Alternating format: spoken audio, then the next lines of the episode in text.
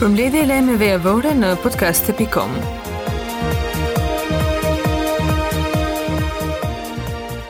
Kreu i Rithemelimit Sali Berisha mblodhi asamblenë e të zgjedhurve vendorë me iniciativën e gjashtë kryetarëve të bashkive të koalicionit Meta Berisha të cilët rezultuan fitues në zgjedhjet e 14 majit. Në përfundim të punimeve në asamble u rithemelua shoqata e bashkive dhe u zgjodhën organet drejtuese të saj. Sipas rezolutës së asamblesë, postin e kryetarit do ta mbajë kryebashkiaku i Kavajës, Fisnik Qosja, nënkryetarë do të jenë të zgjedhurit e Mirditës dhe Memaliajt, Albert Mëlyshaj dhe Albert Malaj. Funksionin e drejtuesit të dhomës së këshilltarëve bashkiakë të mbajë Ilir Alimehmeti, kundërshtari i Belind Këlliçit në primaret e Tiranës, por që nuk arriti të siguronte votat e mjaftueshme mes anëtarëve të Rithemelimit për të dalë si kandidat i koalicionit Meta Berisha më katërmbëdhjetë maj. Ndërkohë drejtuesi i Dhomës së Qarqeve do të jetë Miftar Dauti, njëherësh edhe kryebashkiak i Hasit. Gjatë mbledhjes, Asambleja e të Zgjedhurve Vendorë parashtroi platformën e Rithemelimit për mbrojtjen dhe thellimin e demokracisë lokale, decentralizimit, përshpejtimit të integrimit, përsosjes së shërbimeve dhe financimeve publike, zhvillimit rajonal, rishikimit të reformës territoriale dhe çështje të tjera lokale. Një kamion i ngarkuar me lëndë drusore është shkrumbuar nga flakët përgjatë autostradës Vlorë-Fier në afërsi të fshatit Panaja, Drejtuesi i kamionit sapo ka vënë re që në pjesën e motorit po dilte tym, ka tentuar ta shuajë, por që në fakt ka qenë e pamundur, pasi flakët kanë përparuar me shpejtësi. Në vendngjarje u njoftuan zjarrfikësit të cilët bënë të mundur shuarjen e flakëve, por dëmi në kamion ka qenë i madh. Drejtuesi i kamionit u mor në pyetje nga policia.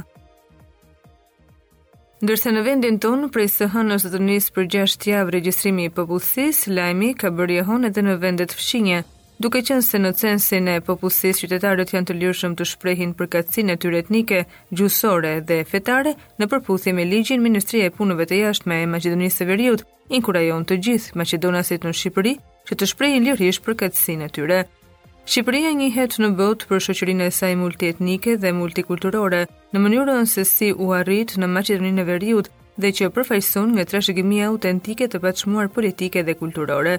Duke njohur rolin e maqedonasve si qytetarë të Shqipërisë, regjistrimi i ardhshëm do t'u mundësojë atyre përmes shprehjes së lirë të identitetit të tyre të konfirmojnë përkatësinë e tyre etnike, gjuhësore, fetare dhe identitare.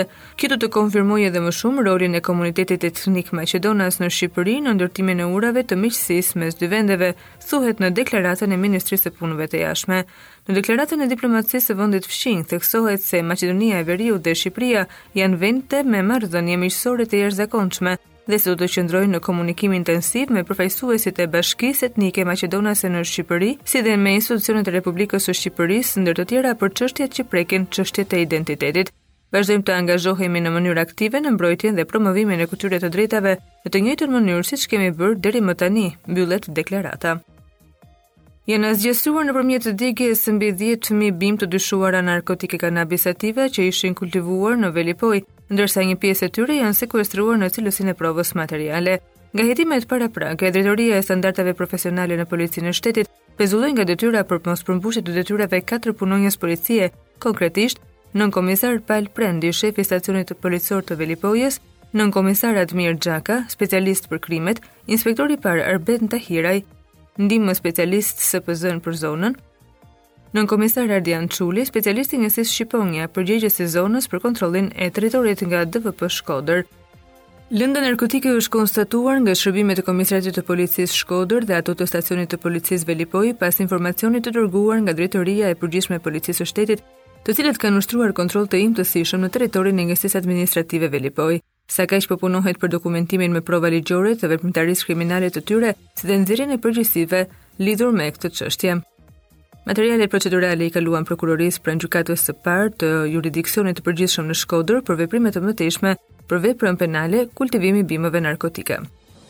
Operacioni antidrogë Tempulli shtrihet edhe në Berat. Nga puna operacionale intensive në kuadër të operacionit policor mbarëkombëtar, një tjetër person është arrestuar në flagrancë Bëhet me dije se ishin dy persona që shisnin dozat e lëndës narkotike kanabis sativa në një biznes, lavazh automjetesh në afërsi të perimetrit të sigurisë së një shkolle.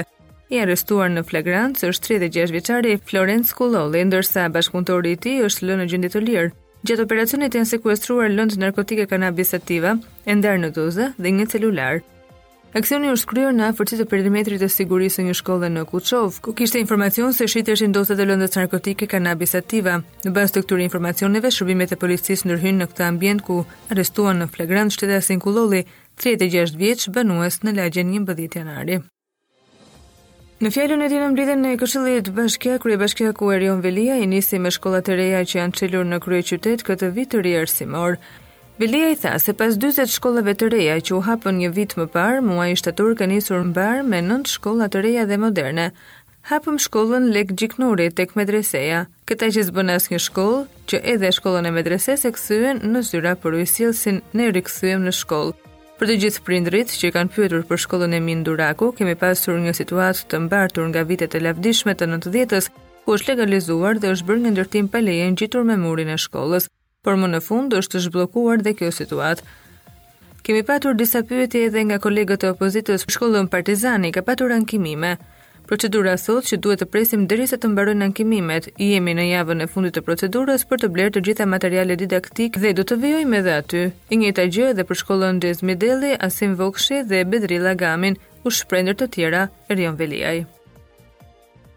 Zëvendës kryeministrja Belinda Balluku, teksa ka monitoruar nga afër punën në Qendrën Operacionale të Sigurisë Kibernetike, u shpreh se të gjitha proceset në Shqipëri po digjitalizohen, ndaj sipas saj, shkalla e sigurisë kibernetike duhet të jetë shumë e lartë. Më tej ajo tha se ka patur një shqetësim të madh për kërcënimet kibernetike në vendin tonë, por theksoi se sot jemi në një moment të mirë, ndërsa shtoi se grupi i monitorimit punon 24 orë në 7 ditë të javës. Sot që praktikisht po kalojmë në një sistem pa letra me burokraci zero, me korrupsion zero në të ardhmen, duke çuar në kontakt direkt me virtualin, duke patur shërbime digjitale dhe juve do ju duhet që këto shërbime të jenë të mbrojtura. Ndaj një nga qëllimet e qeverisë shqiptare është të mbështesë ngritjen e cilësisë së sigurisë kibernetike në Shqipëri, Balluku theksoi se qeveria ka marrë të gjitha masat për t'i dhënë kushtet e duhura qendrës operacionale të sigurisë kibernetike, duke nisur nga pagat e larta deri te kushtet e infrastrukturës ku operohet. Tendenca e shqiptarëve për të aplikuar për azil në vendet e Bashkimit Evropian, përfshirë edhe Britaninë e Madhe, ka qenë e lartë, të paktën referuar shifrave të 6 mujorit të parë të këtij viti. Agjencia Evropiane e Emigracionit publikoi të dhëna të cilat treguan se 4779 shqiptarë kërkuan azil në vendet e Bashkimit Evropian, një shifër kjo mjaft e lartë krahasuar me vendet e tjera të Ballkanit. Nga janari deri në qershor, aplikimet për azil në Bashkimin Evropian pësuan rritje me 28% krahasuar me gjysmën e parë të vitit 2022. Përkatësisht në këtë periudhë, 519.000 shtetas kërkuan azil në vendet e Bashkimit Evropian. Largimi në masë e shqiptarëve, sidomos e të rinjve, u rikthye fort pas periudhës së pandemisë. Shifrat nga Ministria e Brendshme e Britanisë së Madhe tregojnë një rritje rekord të kalimit të shqiptarëve përmes gomoneve në tokën e premtuar. Ikja e shqiptarëve theksoi edhe më shumë mungesën e fuqisë punëtore në shumë sektorë. Vendi ynë po humbet miliarda dollarë nga investimet në arsim, teksa sistemi i pensioneve po vihet në rrezik nga reduktimi i forcës së punës që paguan sigurime.